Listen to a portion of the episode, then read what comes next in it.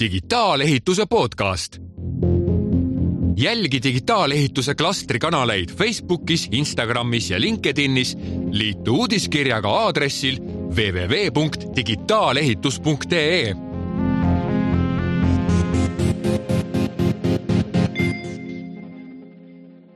tere taaskord, lugupeetud kuulajad.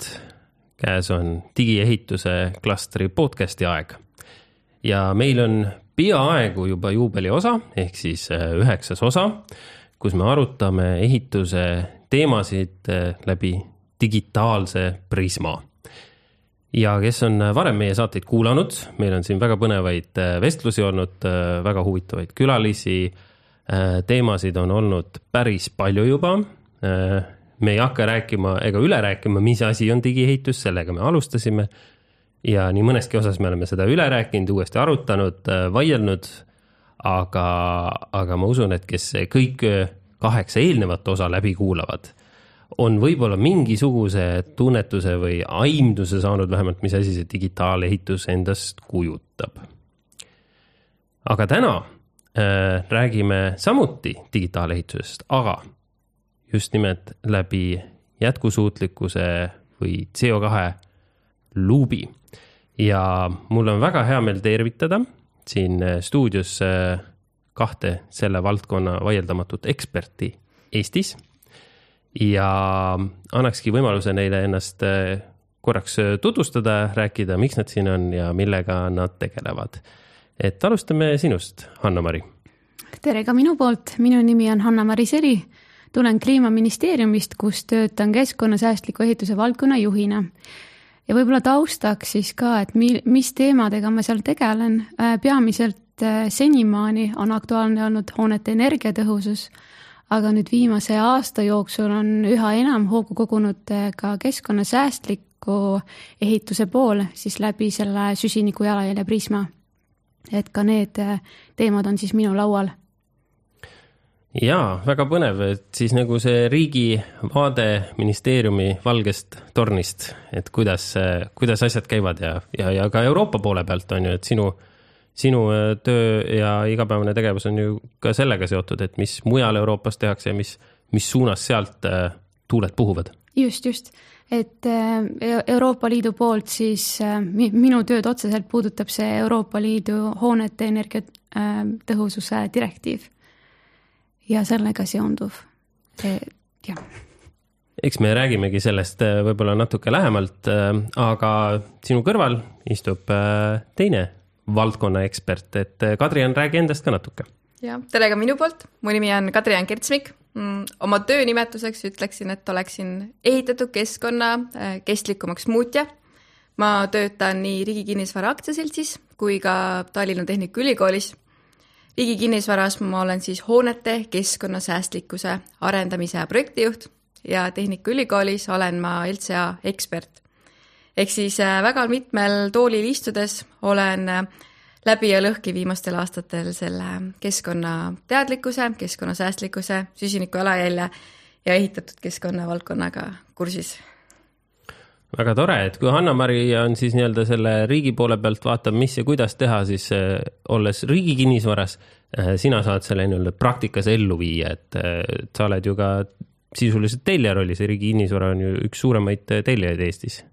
jaa, just ja tänu tegelikult Riigi Kinnisvara tööle ma olengi näinud seda, et see ehitatud keskkond ja selle keskkonnasäästlikkus ei ole ainult süsiniku jalajälg, vaid see on üks osa suuremast pildist, mida me tegelikult Riigi Kinnisvaras ka siis teeme.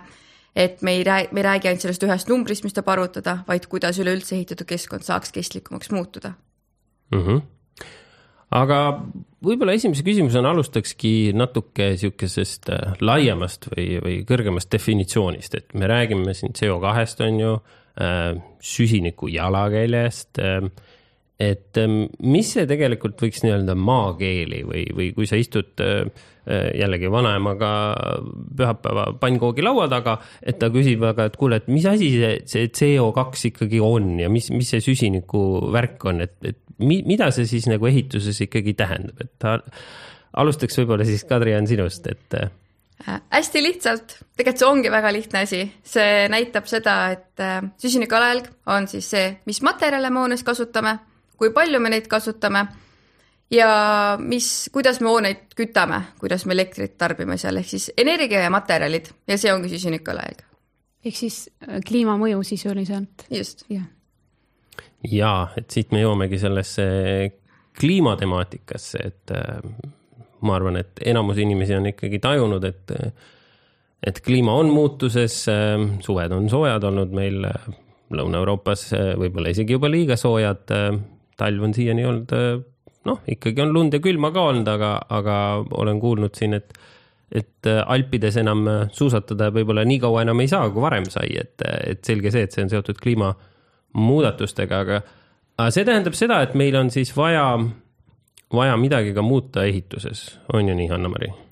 jah, täpselt seda ta tähendabki, et eh, ühelt poolt sa tõid välja selle mm, siis suvise eh, kuumuse, kuumalainete perioodil on hoonetes sisetemperatuur tõu-, tõusnud eh, läbi siis päikesest eralduva vabasoojuse, mis sinna tuppa jõuab ja kui hoone fassaad, ütleme hästi palju uusehituse puhul on äh, hästi palju suurt klaaspinda, läbi mille see päikesesoojus siis sinna tuppa jõuab ja temperatuuri üles krut-, äh, krutib nii-öelda. et äh, üha enam me näeme vajadust, suurenevat vajadust jahutuse energia järele mm. -hmm. et see on just siin nagu meie piirkonnas, et noh, et Lõuna-Euroopas on neil äh, juba ammu see jahutuse teema, et äh, muudkui, aga meie räägime kütmisest, nemad räägivad jahutamisest, aga jah, eks, eks meil on ka seda rohkem äh, tekkinud, aga, aga mis ähm, võib-olla, kui suur osakaal nii-öelda või mõju on ehitussektoril selle süsiniku jalajälje vähendamisel, et meil ju räägitakse peamiselt, et noh, et autot tuleb elektrifitseerida ja ja, ja noh, et energia tootmine tuleb muuta roheliseks ja taastuvenergiaks, et noh, tegelikult laiemas meedias nagu sellest ehitusest ju väga palju ei räägita mm. -hmm. aga kui suur osakaal, et noh, mina olen kuulnud siin erinevaid numbreid, et äh, tegelikult kuskil nelikümmend protsenti on sellest äh, kogu CO2-st äh, neelab see ehitus või ehitatud keskkond mm. -hmm. Eesti kontekstis me räägime, kui me räägime energia tarbimisest, siis kahekümne esimese aasta Äh, siis lõppenergia tarbimisest viiskümmend kolm protsenti oli just hoonete energia tarbimine. et see on meeletu võrreldes selle neljakümne protsendiga, mis on Euroopa Liidu keskmine number. ja mm, hoonete energiatõusu direktiivi kontekstis on räägitud ka kolmekümne kuuest protsendist äh, siis kasvuhoonegaaside heitest.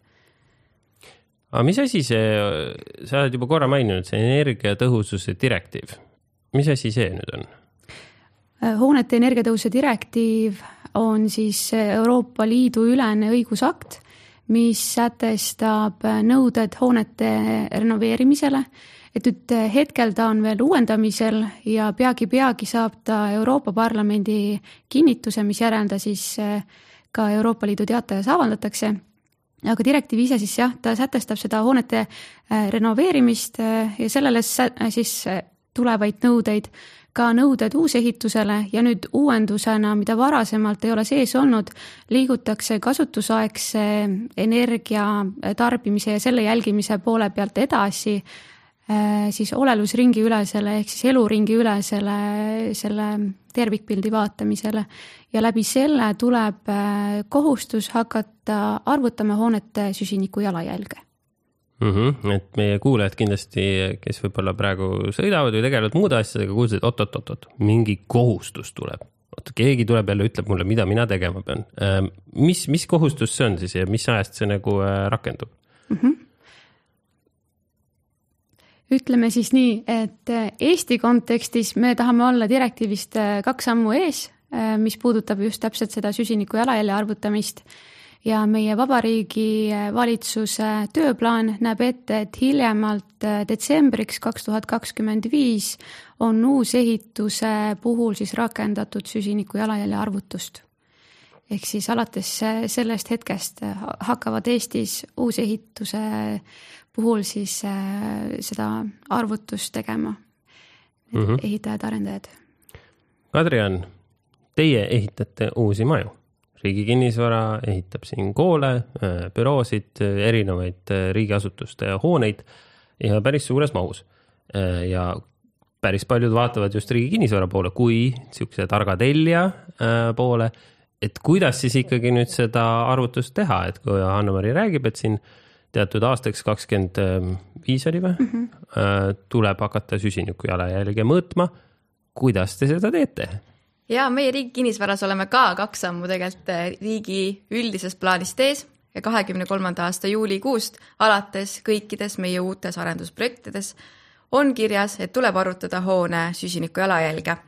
Nagu ma ka enne ütlesin, et see süsiniku jalajälg üksi ei ole võti eh, ehitatud keskkonna kestlikumaks muutmiseks, siis meil tegelikult on, meil on ka väärtuspõhised hanked, kuhu me tegelikult lisame ka nüüdsest juba, juba viimased pool aastat, samamoodi kahekümne kolmanda aasta juulist Eh, keskkonnaalaseid küsimusi eh, mitte, ja mitte lihtsalt niisuguse suure pildi tegemiseks, aga just sõltuvalt konkreetsest objektist, tema funktsioonist, tema kasutusest.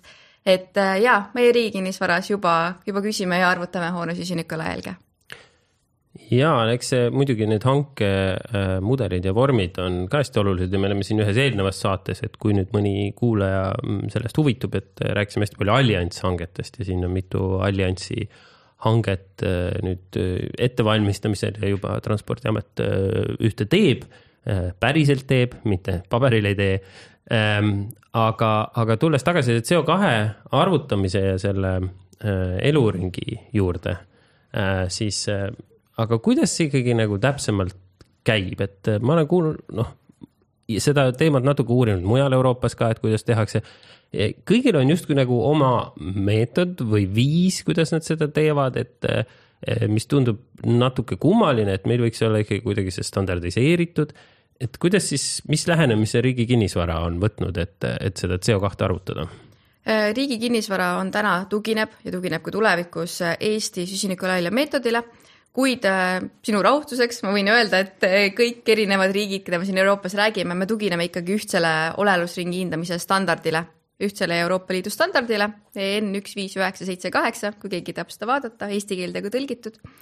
et me tugineme sellele ja igal riigil on oma, oma väiksed erinevused seal, milliseid etappe ta võtab arvesse ja mida mitte. suures pildis üheksakümne protsendi ulatuses on need riigiti samad, kui me räägime siin just Skandinaavia, vaadates Skandinaaviat ja Eestit ja Põhjamaad, et on ikkagi samad asjad kaasatud, sest äh, kaasatakse ikkagi neid, millel on kõige suurem mõju, me ei tegele selle ühe, ühe protsendi või poole protsendi temaatikaga.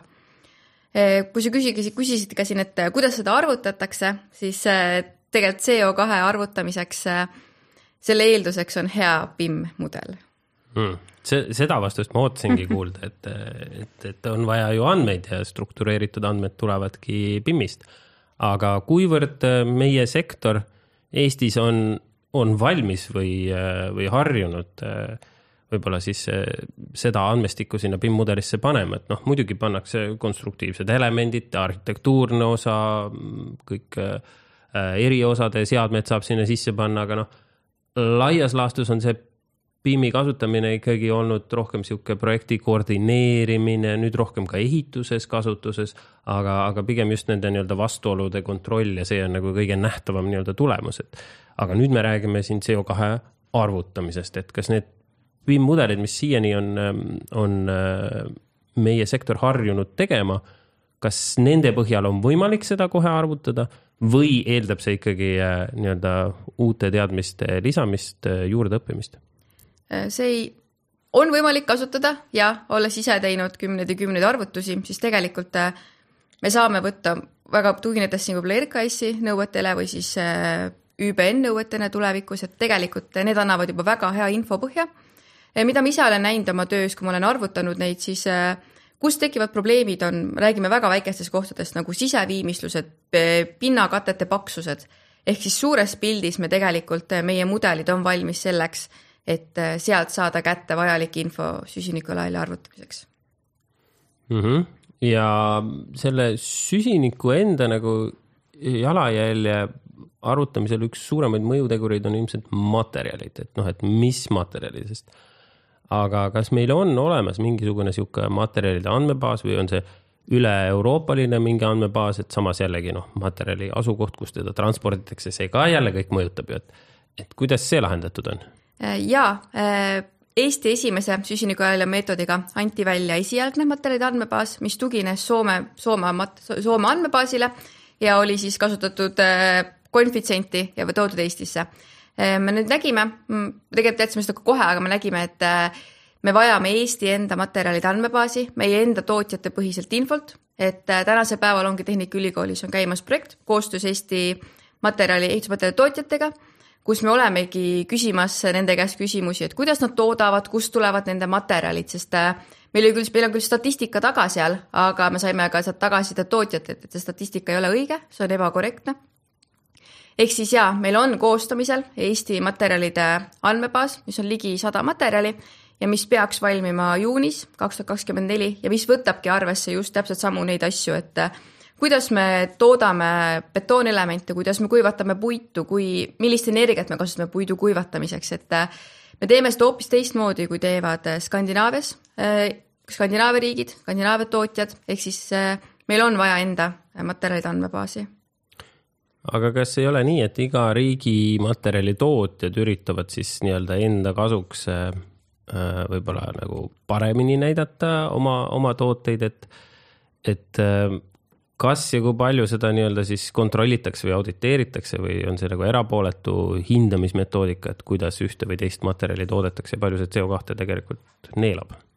see, kes nii-öelda Eesti ehitusmaterjalide andmebaas, millest me räägime, äh, me võtame sinna kaasa siis nii-öelda tootjate poolse info, aga me valideerime seda läbi nii-öelda, ma ei tea, prismaga niisuguse pisi, nagu teeme kitsamaks, ehk siis me tegelikult kasutame äh, Eh, koefitsienti veel, et meil tuleks konservatiivne väärtus, ehk siis ükskõik, mis materjali tootja tegelikult eh, teeb, tema enda väärtus peaks paari väikse nii-öelda tegevussammuga olema alati väiksem kui see riiklik konservatiivne väärtus.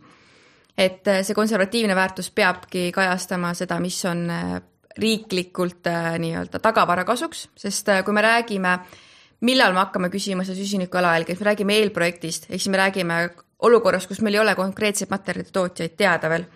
ja selleks, et need hooned oleksid omavahel hiljem ka võrreldavad, siis me kasutamegi eelprojektis seda riiklikku konservatiivset materjalide andmebaasi, et me saame ka võrrelda hiljem, et hiljem tulevikust juba tegiks ikka piirmäärad nendele väärtustele.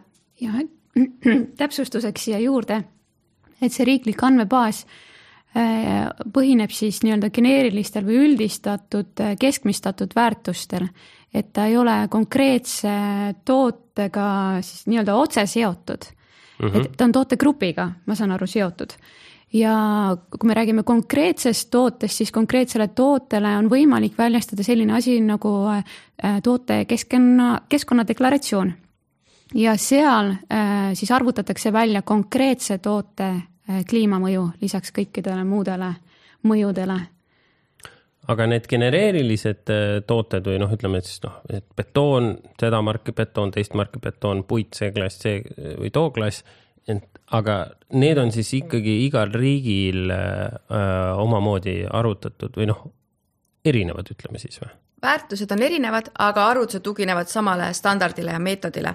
aga lihtsalt näiteks Eesti puhul nüüd on juba selgunud, et äh, meie puutoodete, puittoodete süsinikujalajälg on ligi kolm korda kõrgem, kui on see Soomes, ehk siis äh, kui tänasel päeval, ehk siis see kogu see süsteem on hoopis teistmoodi arvutused seal taga, äh, mitte arvutused seal taga, vaid oota, nii.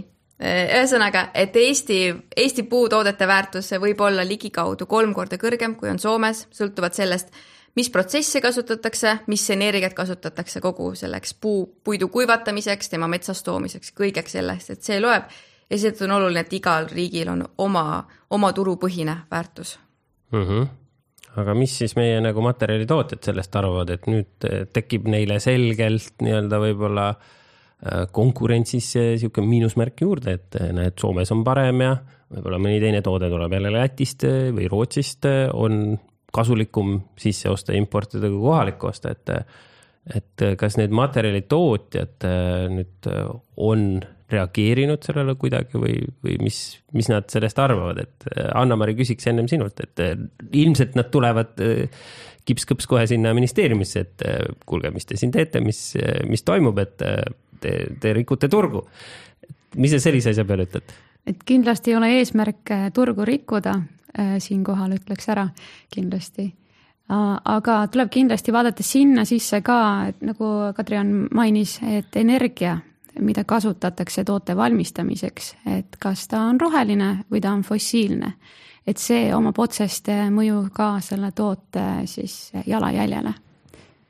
aga siit võiks ju edasi mõelda, et noh, et äh, ma tean, et Kliimaministeeriumist Hanna-Mari on sinul, äh, head kolleegid on ju e-, e-, energeetika osakonnas ja, ja seal on eesmärk ju tuuagi Eesti üsna peatselt nii-öelda taastuvenergia peale ja roheenergia ja kõike seda suurendada, et kui ütleme, et meil on kõik energia on roheline, noh, mitte värvilt, aga ütleme olemuselt, siis kas, kas kaovad need probleemid nagu selle või nende materjalide nii-öelda valikul äh, muutuvad ka oluliselt nagu äh, vähem tähtsaks, et, et siis me justkui nagu lahendame ju nagu ütleme, kaheksakümmend protsenti probleemist või ei ole nii? tõsi on see, et kui energia, ütleme siis energeetikute või siis Eesti riigi eesmärk täna on see, et kahe tuhande kolmekümnendaks aastaks oleks kogu tarbitav elektrienergia sada protsenti taastuvast, taastuvatest energiaallikatest toodetud. et kui see elektri osakaal läheb roheliseks, siis selle võrra hakkab materjalide mõju äh, kasvama. et selle kohta kindlasti Kadri-Ann oskab siin äh, täpsemalt näiteid tuua. jaa äh,, tänasel päeval Eesti hoone süsinikujalajäljest kuskil viiskümmend viis protsenti uusehituse puhul üheksakümmend protsenti renoveerimata hoone puhul, seitsekümmend viis protsenti renoveeritud hoone puhul moodustab energia. ehk siis täna võib jääda mulje, et miks ma üldse midagi teen, kui energia nii domineerib, et miks ma arvan süsiniku jalajälge, kui see väärtus tuleb sealt. aga just täpselt, et mida rohkem on meil taastuvat energiat võrgus, seda, seda väiksemaks muutub äh, energia osakaal ja seda olulisemaks muutub materjalide osakaal et tänasel päeval Norras, kus on taastuvat energiat terve võrk täis, on energia osakaal ligi kolmkümmend, kolmkümmend viis protsenti, ehk siis ülejäänud kõik on materjalid, Soomes on see väärtus kuskil nelikümmend, nelikümmend viis protsenti.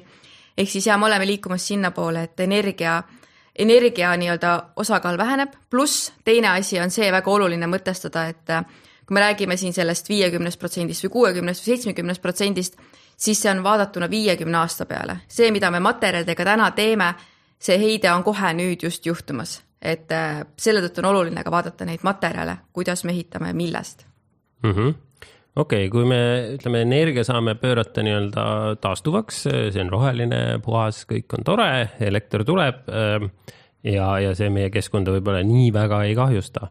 Ähm, ja siis loebki täpselt, et mis materjali ja kui palju me ehitame.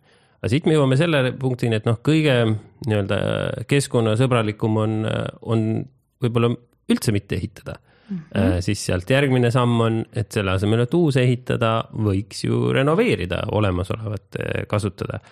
et kuidas, ähm, kuidas nüüd selle äh, vaatevinklist, ütleme siis ministeeriumi poole pealt, et noh, et see renoveerimismaraton on ju ka teine sihuke tore sõna või, või või siin vahepeal meedias käis tore väljend sundrenoveerimine isegi läbi, et tekitas omajagu meediakaja, mis oli iseenesest väga hea, et meie teemad said nii-öelda laiemasse sfääri ka liikuma. aga, aga kuidas see CO2 ja see renoveerimine omavahel suhestuvad, Anna-Mari mm? -hmm.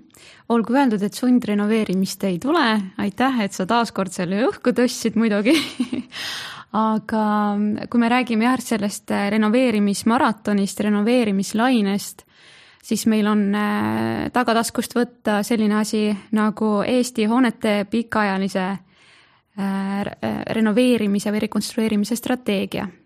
ja see siis näitab meile kätte nii-öelda need numbrid, et kui palju hooneid on siis aastaks kaks tuhat viiskümmend vaja ära renoveerida või korda teha ja see siis, äh, toon need numbrid välja, et sada tuhat üksikelamut, neliteist tuhat korterelamut ja kakskümmend seitse tuhat mitteeluhoonet. ja terviklikult renoveerida siis energiatõhususe klassi C. ja noh, eks renoveerimise aluseks ja eelduseks on ka finantsilised vahendid. et siin on hea meel tõdeda, et kuni aastani äh, kakskümmend seitse on meil olemas äh, Euroopa Liidu toetused, läbi mille me saame siis äh, KredExi kaudu inimestele korteriühistutele anda seda toetust, et suunata või toetada hoonete renoveerimist.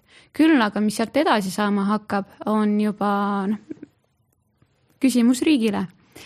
et kuidas nemad soovivad panustada sinna et hästi oluline või see võtmesõna siin ilmselt ongi stabiilne rahastus.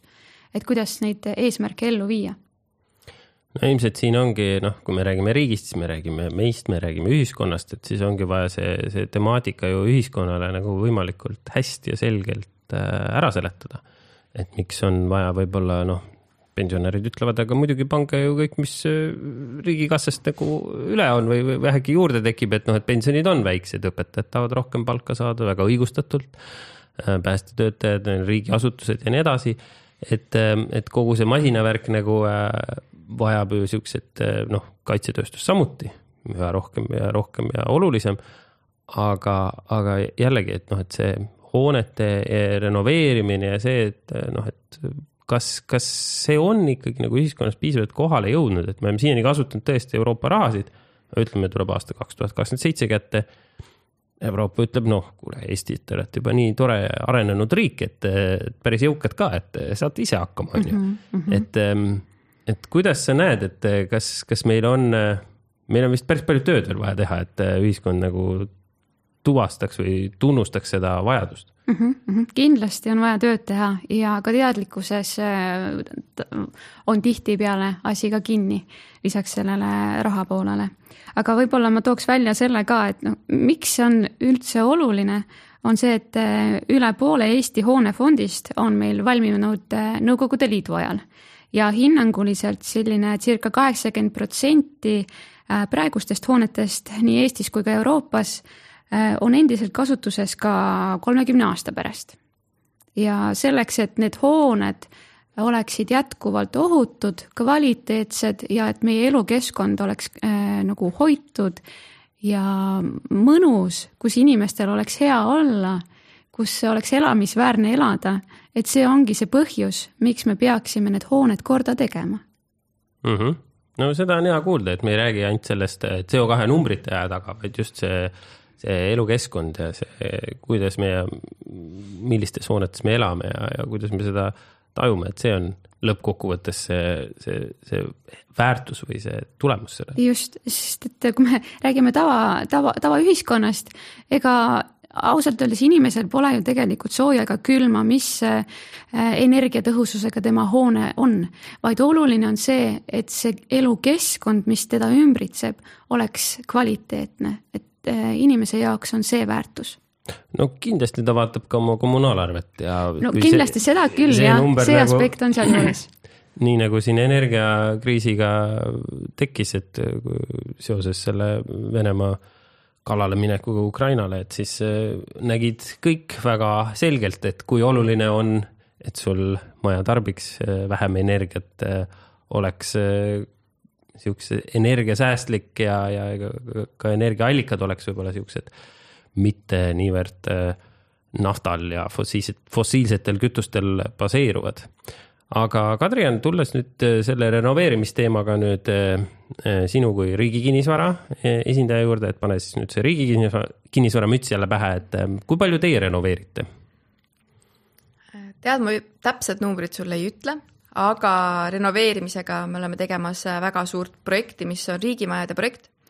ja riigimajade projekt tähendab seda, et me koondame ühte hoonesse kokku väga palju erinevaid asutusi ja need hooned tihtipeale asuvad kaitsealustes vööndites, linna südametes, ehk siis renoveerimine seal on oluliselt keerulisem, aga nagu Anna-Mari ka siin ütles, et see renoveerimise eesmärk ei ole lihtsalt renoveerida, aga luua kvaliteetsemat ruumi ja see on see, mida tegelikult eh, meie Riigi Kinnisvarana väga tugevalt teeme läbi riigimajade projekti.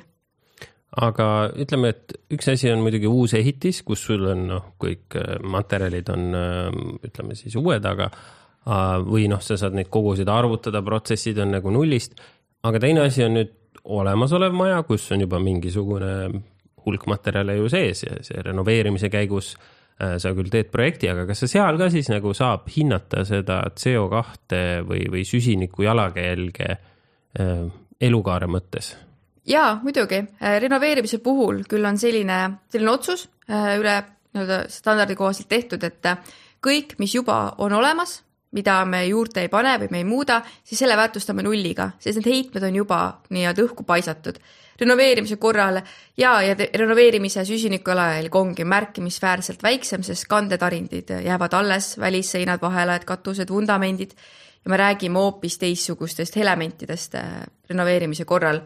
ja tihtipeale tegelikult renoveerimisel ongi, et et kuigi materjale tuleb vähem, aga Riigi Kinnisvara näitel, kui me räägime kaitsealustest hoonetest, siis see energia jääb domineerima, sest ei ole võimalik nii, nii energiatõhusaks renoveerida, sest et säiliks hoone ajalooline väärtus mm. -hmm. eks seal on ikka jah tasakaal, aga, aga võib-olla nüüd veel süvitsi minnes sellesse projekteerimisse, sest noh, ilmselt paljud meie kuulajad on just noh, valdkonna professionaalid, võib-olla teevadki neid BIM mudeleid ja üritavad äh, nüüd ka mõtestada või, või kui nad juba veel ei kasuta äh, nii-öelda CO2 ise arvutamist või, või nii-öelda kalkuleerimist seal mingil moel.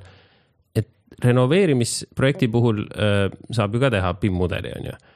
aga kas seal siis on noh, eristatud see olemasolev ja, ja uus ja ühel on väärtus ja teisel ei ole, et kas need on nagu parameetrilised väärtused, mis sinna lisatakse ähm, BIM elementidele või? Ja tihtipeale ongi kasutuses, et äh, olemasolev on OL, OL on sellel nii-öelda elemendil, materjalil küljes. ehk siis äh, olles ise teinud neid arvutusi, siis äh, väga lihtsalt tegelikult projekteerijad juba ise selekteerivad või nii-öelda ehitavad üles seda mudelit sellise detailsusega, et sa tegelikult saadki aru, millised elemendid on olemasolevad ja millised on uued ja seda siis juba eelprojekti staadiumis, ma saan aru, või? ja, ja eelprojekti staadiumis, sest jah arhitektuurne mudel, etapp tuleb juba ju teha eelprojektiks, et ehitusluba taotleda, ehk siis kogu see info tegelikult suures osas on juba olemas. aga kuidas te seda kalkulatsiooni ise teete Riigi Kinnisvaras, kas see on kuidagi automatiseeritud või see käib ikkagi suht nagu käsitsi, panete sinna Exceli tabelitesse, sest ma tean, et üks töö, mis kliimaministeeriumis tehti, et selle süsiniku jalajälje kalkulaator, see oli nagu Exceli põhine tööriist aga PIM-mudelid võimaldavad ju natuke võib-olla targemalt nende andmetega ümber käia, võib-olla midagi automatiseerida, et, et räägi natuke lähemalt äh, sellest protsessist. Äh, riigi kinnisvaras me ise ei arvuta, äh, ma ise nii-öelda isiklikult olen jah, neid arvutanud ja kontrollinud, aga nii-öelda väärtuseid täna, mis me projektis küsime, teeb projekteerija automatiseerida ja saab, saab muidugi, kui võti nii-öelda kaheksakümmend protsenti tööst on see materjalide mahtude saamine sealt. võib-olla kommentaariks selle kliimaministeeriumi ja selle Exceli kohta, see Excel ei ole mõeldud tööriistaks. see on lihtsalt visualiseerida, kuidas see arvutus töötab, mida seal arvutuses kaasatakse, aga et see ei ole valmis lõplik tööriist, mida kasutada, et seda, selleks see mõeldud ei ole. jah, ta on õppevahend uh mhm. -huh. sisuliselt, et mõista, mida see süsiniku jalajälje arvutus endas sisaldab ja kuidas ta etapiliselt siis käib. aga ei, see on kõik väga tore, et õppima peab, õppevahendeid on vaja, enne kui saab üldse kuhugi edasi minna ja jõuda uh, -huh. aga aga ütleme, mina oleks projekteerimisettevõttest, mul on vaja homme teha niisugune projekt, mul ei ole aega hakata nii-öelda õppima, mul on vaja tööriista, et kas on niisuguseid tööriistu, millega ma saan kohe äh, panen BIM mudeli ja ta arvutab mulle ise välja selle CO2 jalajälje? Äh, jaa, niisuguseid tööriistu on, aga seal on alati aga, ehk siis äh, olles ise teinud äh, mitmeid, siis äh, isegi väga heal BIM-mudelil on äh, vead sees, mitte vead sees, aga asjad, millele pole tähelepanu pööratud varem, sest see pole olnud oluline, nagu me siin rääkisime alguses ka. ehk siis äh, heast BIM-mudelist, see ei tähenda alati seda, et sa automaatselt saad kätte, sul peab olema ikkagi mingisugune teadmine, kompetents, tarkus seal taga, et, et mis on reaalne või mitte, et kui sa saad Eesti joonelt süsiniku jalajälge ja sa saad, et energia on nelikümmend protsenti, ülejäänud kõik on materjalid, siis see tegelikult peaks olema punane lipukene, et kuskil on midagi puudu või mm -hmm. üle aga need tööriistad ise, on need nii-öelda kommertstarkvara või on need vabavaraliselt kättesaadavad, et äh, oskad sa mõne näite tuua? Ma ei taha siin ühtegi reklaamida, selles suhtes, et jah, on, on kommertstarkvara, aga see arvutus ise on niivõrd lihtne, et seda tegelikult saab teha Excelis korrutamise ja liitmise teel. et see tõesti, see süsinikualali arvutamine on väga lihtne, ehk siis kui sa tegelikult saad kõik oma mahud juba äh, kuupmeetrites või kilogrammides äh, nii-öelda BIM-mudelis kätte, siis ongi sinna lisada nii-öelda korrutustehte järgi see materjali heiriheittegur ja sul ongi süsinikualali väärtus käes et eh, on erinevaid tarkvarasid, on ka ettevõtteid, kes pakuvad seda, et kui sa ise ei soovi arvutada, siis eh, tuleme, teeme sulle seda. aga jah, et see tegelikult on lihtne. jah, ma saaks siia võib-olla ministeeriumi vaatest lisada, et e-hüppe toetused, mis olid, et siis Tallinna Tehnikaülikool ka sealt taotles vahendeid, toetust ja kiideti see ka heaks, see taotlus, ja hetkel on töös ka veebipõhine või siis brauseripõhine tasuta riiklik kalkulaator, mida saaks kasutada süsiniku jalajälje arvutamiseks. Ja, ja olen, olen, olles isegi seal töögrupis, siis ja, et on teht-, on, on tegemisel, et see oleks kahe nii-öelda peamise arhitektuurse projekteerimise tarkvara, Archicad ja Revit, niisugune lisaplugin et äh, saaks seal juba arutada võimalikult varajases staadiumis. sest äh, mida ma ka ise näen, olles ise arhitekt ja töötanud sellena, et äh, süsinikujalajälje väärtuse arvutamine või kogu see, kuidas see kujuneb, see väärtus, on ikkagi arhitekti otsuste taga, ma ei taha tagajärjel, aga arhitekt kujundab seda, milline see mm -hmm. väärtus tuleb. et see ei ole miski, mida, mida tuleks teha eelprojekti lõpus, et meil on vaja, et ehitusluba taodelda, vaid et see oleks, et see süsinikujalajälg oleks ka abistav tööriist arhitektile võimalikult varajases staadiumis mm. -hmm. eks see ongi selle projekti äh, elukaare või äh, eluringi nii-öelda alguses on, on kõige, kõige suuremad ja, ja mõjutavamad otsused on äh, tegelikult need, mis maksavad kõige vähem.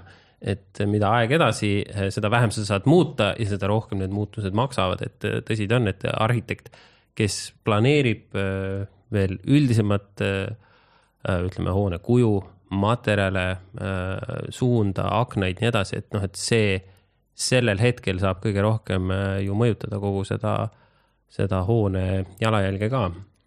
aga Anna-Mari, kui siin äh, Kadrian rääkis, kui lihtne on teha neid CO2 arvutusi, et noh, sul on PIM-mudel, teed kõps-kõps ja ongi olemas, on ju paar arvutust, et meil on ju niisugune tore asi nagu ehitusregister, kus me kontrollime ehituslubasid Äh, väljastame äh, ja mille kaudu tehakse kontrolle, meil on seal ka nüüd PIM-põhised äh, automaatkontrollid, ähm, mis minu teada peaks kohe-kohe nii-öelda muutuma kättesaadavaks ka laiemale avalikkusele.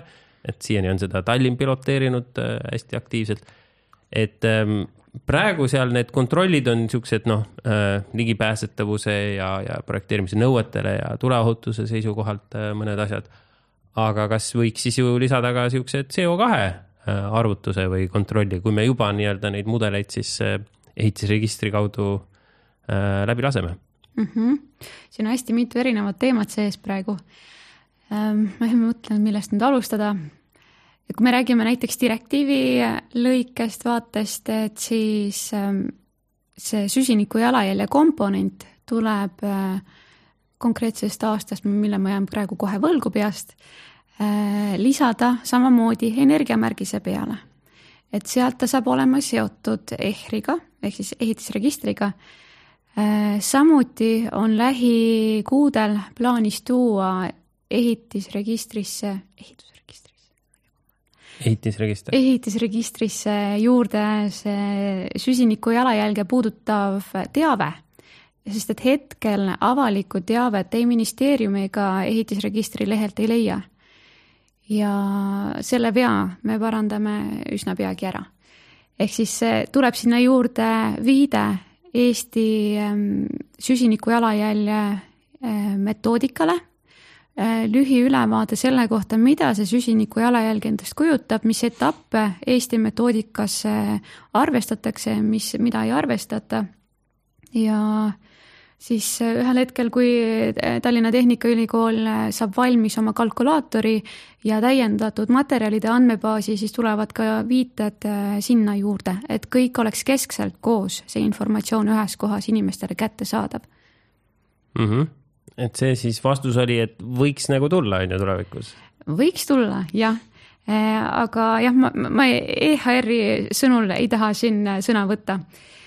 Äh, ma tahaks võib-olla selle välja tuua, et me oleme hästi palju sellest CO2-st siin rääkinud täna, et äh, poliitika kujundamise koha pealt oluline informatsioon kindlasti meie kuulajatele ka see, et märtsikuust äh, hakkame siis koostama süsiniku jalajälje hindamise eelnõud et siis selle mm, arvutusnõudega välja tulla järgmisel aastal.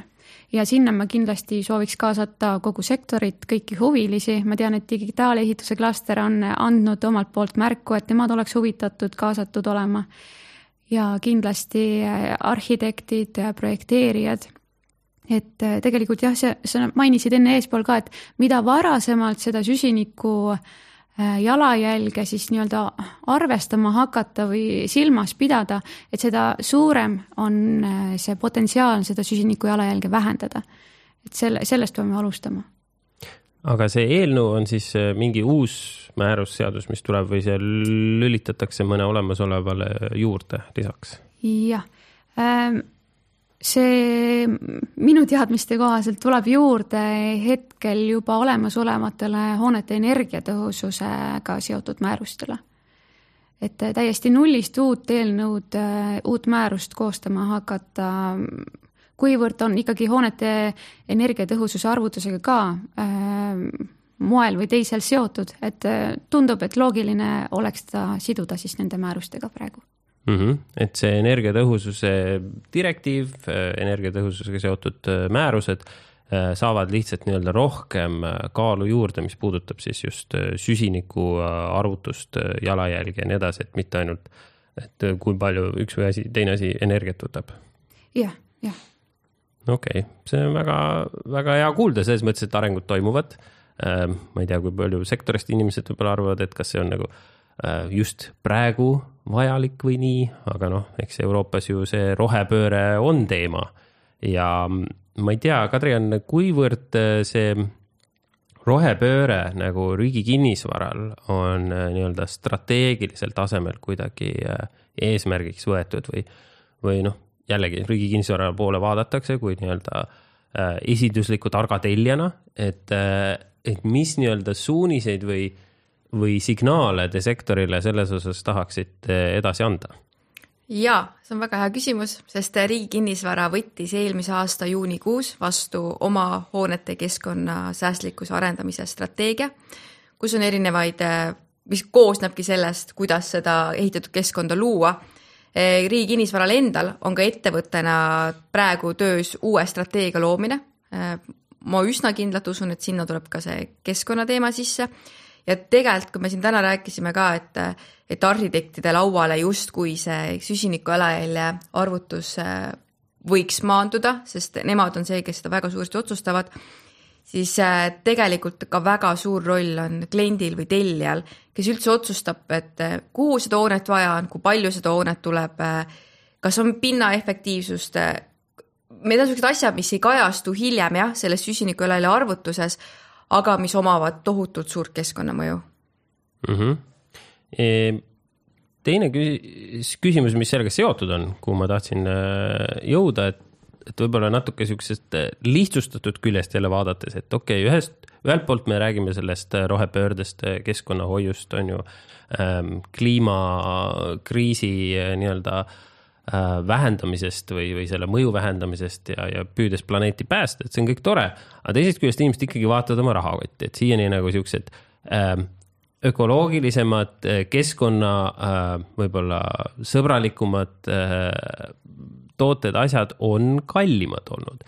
et kui me jällegi räägime sellest, et noh, et äh, võtame siin materjale, mis võib-olla, kus kasutatakse rohkem meetodeid, protsesse, et vähendada keskkonnamõjusid, äh, tõstavad jällegi hinda. et äh, aga kinnisvara on ju meil niigi kallis, et äh, kas see tähendab seda, et selle rohepöörde tulemusena meil läheb veel kallimaks see kinnisvara ja ehitustegevus või mis sa sellele vastaksid, Kadrian näiteks? see on jaa, see on väga hea küsimus, sest ma just mõni päev tagasi kohtusin suure kommertspanga esindajatega, kellega me rääkisime sel teemal. et tänuväärt tööd selles vallas on tegemas tegelikult Euroopa Keskpank, kes väga tugevalt äh, suunab äh, pankasid äh, mitte rohe, enam mitte isegi rohelisemate lahenduste poole, et stiilis, et roheline lahendus on soodsam, aga pigem on uus perspektiiv, et saastavam lahendus on kallis Mm -hmm. ehk siis kõik sellised asjad tegelikult, finants on väga oluline ja tegelikult Euroopa Keskpank tohutult suunab pankasid tegema selliseid valikuid ja otsuseid, mis, mis paratamatult mõjutavad siis ka meie kinnisvara kas Hanna-Mari, see kuidagi on ka valitsuse plaanides, et kui, kui me ei räägi, et rohelisemad asjad on kallimad, vaid teeme need saastavamad asjad hoopis kallimaks, et hakkame neile trahve peale panema, koefitsiente arvutama.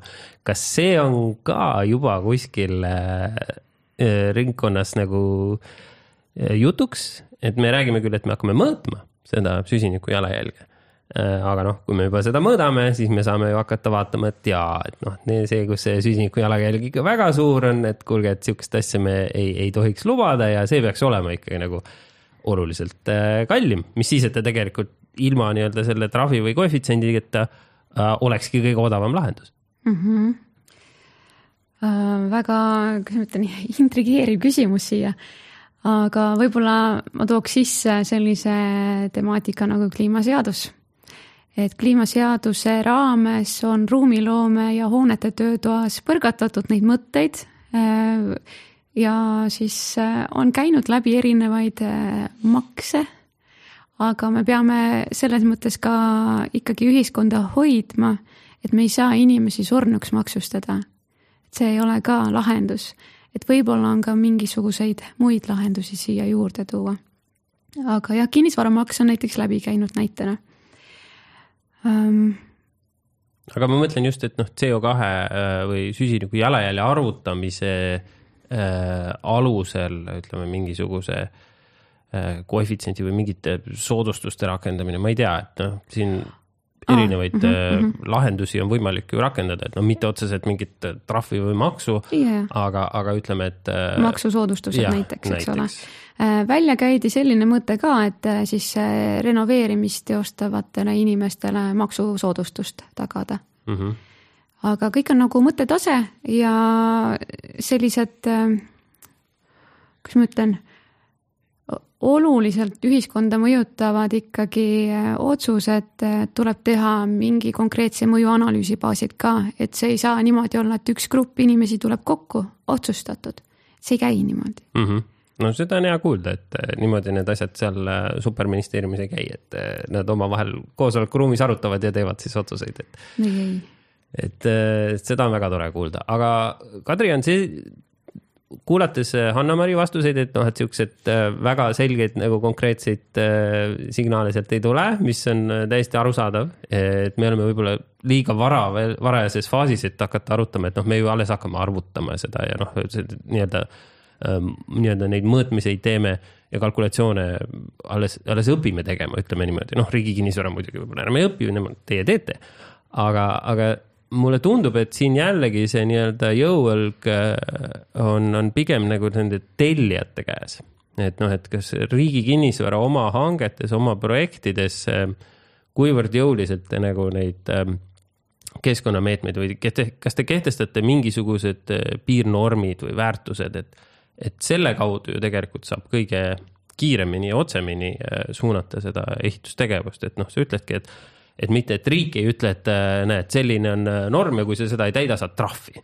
vaid pigem on see, et noh, tellija ütleb, et ma ei taha hoonet, mis on ehitatud nendest saastavatest materjalidest ja mis on odav ja, ja laguneb ja ja üldse keskkonnale kahjulik, vaid ma tahan ikkagi sellist, mis mis oleks kolmekümne aasta pärast ka võib-olla noh, uhke vaadata ja öelda, et ei, et siin meil on tegelikult kasutatud ikkagi sihuke äh, võimalikult äh, väike äh, süsiniku jalajälg, et, et kas need nõuded on nagu teie hangetes sees? jaa, meil on nõuded sees otse loomulikult kvaliteetsele ja kvaliteetsele ehitustööle selleks, et materjalid oleksid pikaajalised, vastupidavad, mitte ainult materjalid, ka pinnakatted sisustus seal hoones, väliruum, milline see on, et otse loomulikult, et see peab olema kvaliteetne, sest me mitte ainult ei arenda hooneid, vaid me ka haldame neid. Ehk siis me näeme oma väga hästi oma töös eh, nii-öelda halduse poole pealt, saame peegeldada kohe arendusse tagasi, et millele rõhku panna. Eh, meil ei ole ühtegi numbrit, piirväärtuste numbrit, sest seda just ei ole Eestis veel olemas. et me ei saa öelda, et meil on nüüd hankes, et, et sinu hoone peab olema vähem kui kolmkümmend kilogrammi CO2 ekvivalenti ruutmeetri kohta et meil ei ole niisugust numbrit veel. Meil on praegu mitu projekti töös, me saame sealt äh, esimesed asjad, äh, ka Tehnikaülikoolis on projekt, mis selle aasta lõpuks pead, peaks andma esimesed indikatiivsed numbrid selle kohta. otse loomulikult me saame neid siis teha. Äh, tänasel päeval need projektid, mis meil töös on, me räägime ikkagi rohkem nii-öelda kogu protsessi vaatamisest, et meil on olnud arhitektuurivõistlus, meil nüüd on eskiisi projekt sealt läbi olnud just eelmine nädal saime projekteerijaga kokku arhitektiga, vaatasime üle, et mida nad lubasid nii-öelda arhitektuurivõistlusel keskkonnasäästlikkuse teemal teha, millises olid, millised olid hankenõudmed, kuidas me eskiisis teeme, kuidas nad võtavad neid kaasa, et, et see teema ei ole ainult nii-öelda need materjalides, teema on ka selles, et meil on üha rohkem äh, hoogvihmasid tulemas, üleujutusi, kuidas, kuidas hoone sellele vastu peab, et äh, me ei saa kõike suunata lihtsalt äh, sadeveekanalisatsiooni, vaid pinnas peab ise vastu võtma. lisaks see jahutuse teema, kütmise teema, et see on niisugune suurem kompleks, et me tegelikult, see võib-olla minu arust on hea, et meil praegu pole ühtegi kindlat numbrit, sest me, see sunnib meid vaatama suuremat pilti, mida kõike see keskkonnasäästlikkus, keskkonnateadlikkus tähendab. aga kuidagi tuleb see keskkonna säästlikkus ja teadlikkus ikkagi defineerida, et kui me teeme hankeid, seal on konkurendid, äh, mm, ühele öeldakse, voh, väga hea, võtame selle, teine vaatab, et kuulge, et ma ei tea, minu oma on ka nagu selles mõttes keskkonnasäästlik ja, ja tore, et, et mille alusel te seda hindate, et kas ei ole äkki liiga subjektiivne või on, on plaan nagu liikuda, noh, võib-olla mitte piirväärtusteni, aga selgete mingite põhimõtete ja, ja eesmärkide kirjeldamiseni et vot sellist hoonet, et me tahame, et CO2 jalajälg oleks umbes selline, et, et me arvutame seda, et või, või kas sulle tundub, et selleks on hetkel liiga vara, et vaja andmeid koguda, aga samas CO2 te arvutate, et kas võiks neid arvutusi või nii-öelda seda mingisugust numbrilist piiri ka sinna tuua? kindlasti numbriline piir on lähituleviku teema kohe, kui meil tekib äh, siin lähiaegadel äh, nii-öelda mingisugune väärtus. Äh, ja meie hangetes ikkagi, kui me, meil on väärtuspõhised hanked, kui meil on keskkonnateemaline küsimus, mis me tegelikult võrdleme neid, kuidas on, kuidas on vastatud ja just see, et kuidas see vastus on kohandatav konkreetsele objektile, millest hange, hange on tehtud et äh, ei ole mõtet rääkida seal X asjades, kui see tegelikult käib üldse mingi Z-hoone kohta, et me räägime ikkagi sellest, et kuidas need konkreetsed tegevused, mida hankes osaleja välja pakub, kuidas need on rakendatavad konkreetsele hoonele mm. -hmm. ma täpsustan ka siinkohal, toon jälle direktiivi mängu.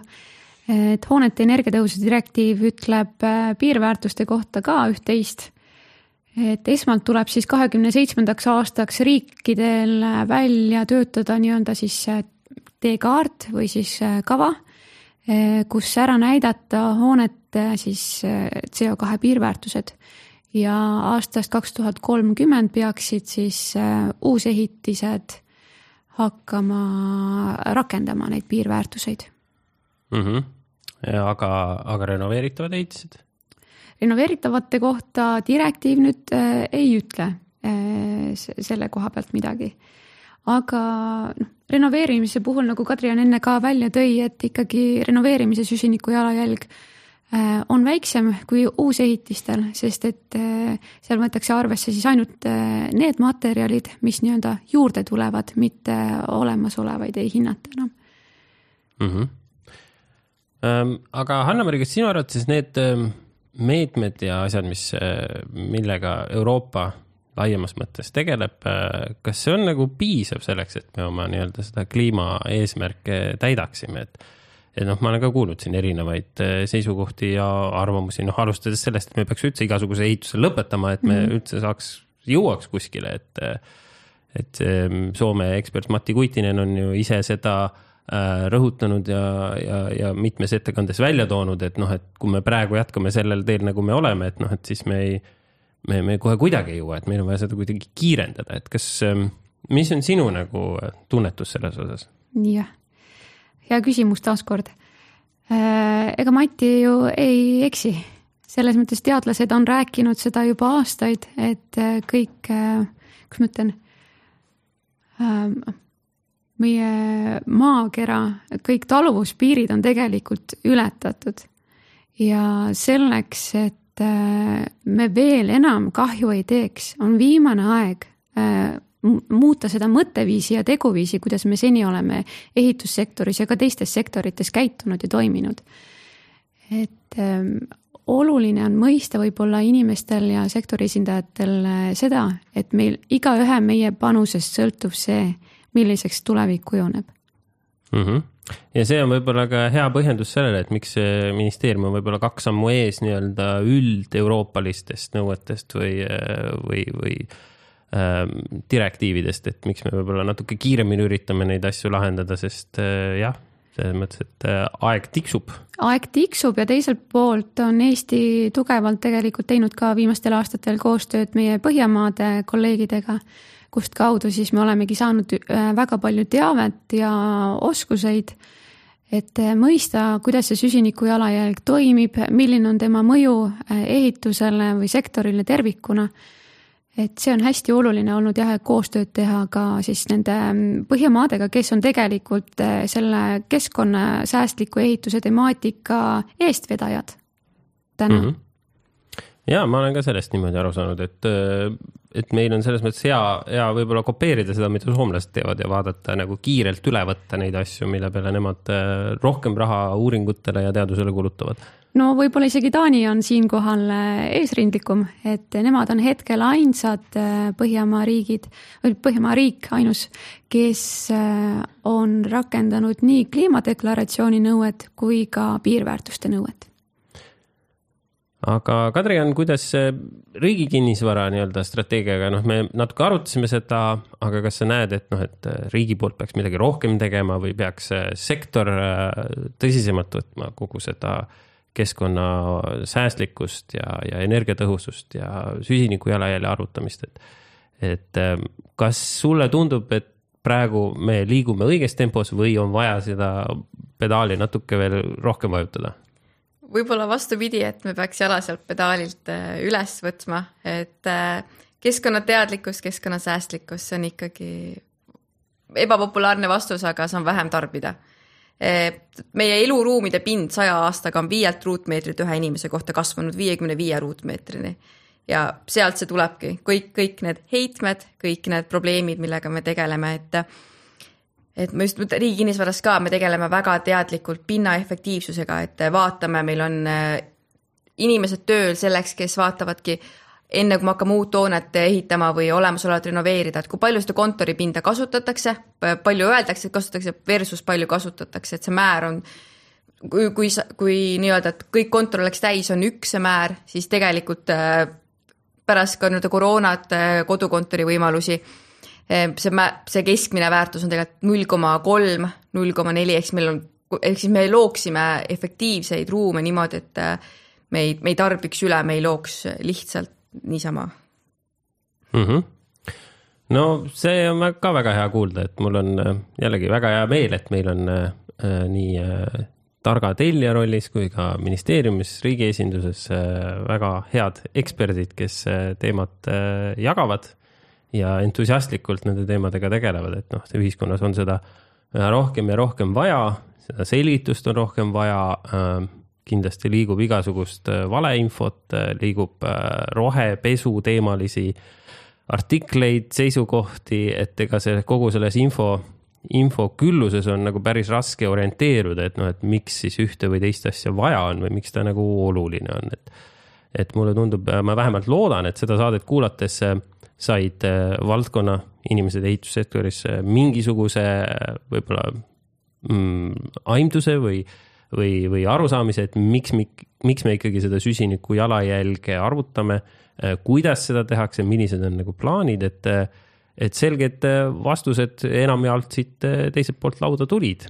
et ma kindlasti tahaks veel tänada äh, Hanna-Mari, Kadrian, et tulite saatesse. tänaseks meil aeg on vaikselt juba otsa tiksunud.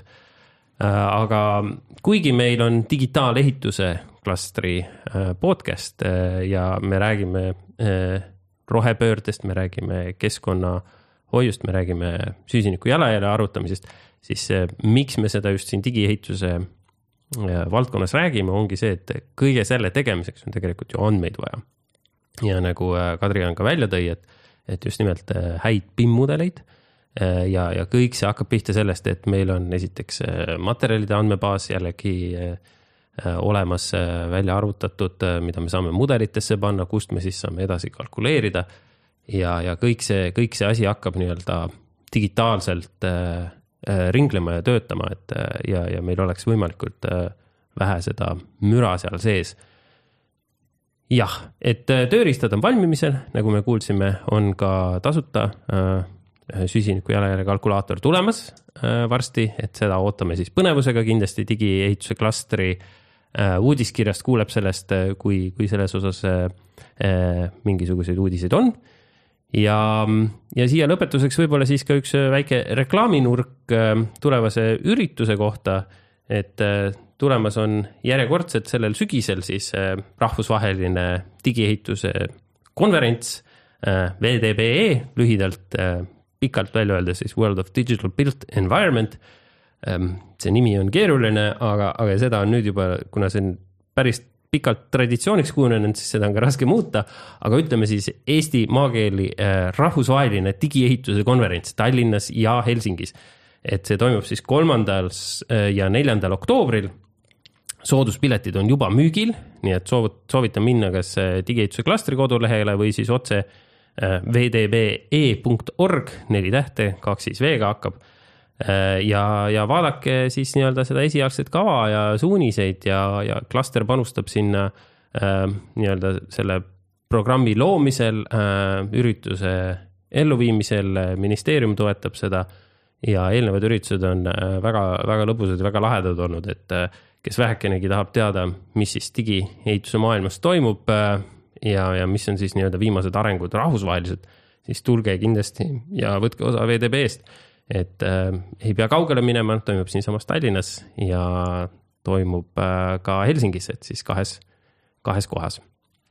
aga tänaseks sellega äh, tõmbame otsa kokku äh, ja loodan, et äh, kuulate veel ka järgmine kord meid, aitäh. Digitaalehituse podcast jälgi digitaalehituse klastri kanaleid Facebookis, Instagramis ja LinkedInis. liitu uudiskirjaga aadressil www.digitaalehitus.ee